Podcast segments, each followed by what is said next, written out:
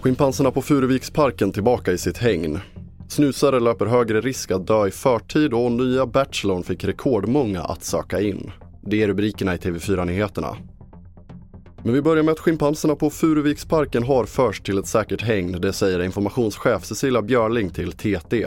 Från början var de sju men nu återstår bara tre för i samband med rymningen sköts tre till döds, två utanför huset och en inne i huset och en fjärde har dött av sina skador. Det är mina, det är mina närmsta vänner, det, det, det känns som det är mina barn som har skjutit. Alltså det är massaker på oskyldiga djur. Det hade inte behöva gått så här om de hade gjort rätt. Jag lovar dig Jenny, det, det, det, det, är så hemskt. Jag vet, jag, jag, mitt hjärta blöder. Och de står och säger att deras hjärtan blöder. Ja, det är klart att det gör. I inslaget hörde vi Ingmarie Persson som är före detta schimpansskötare på Furuviksparken i TV4s Nyhetsmorgon.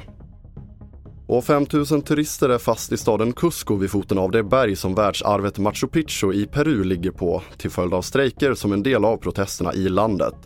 Flygplatsen i Cusco har varit stängd sedan i måndags då demonstranter försökte storma terminalen och nu ska en militärhelikopter skickas till platsen för att transportera de strandade turisterna till Cusco enligt tjänstemän från staden.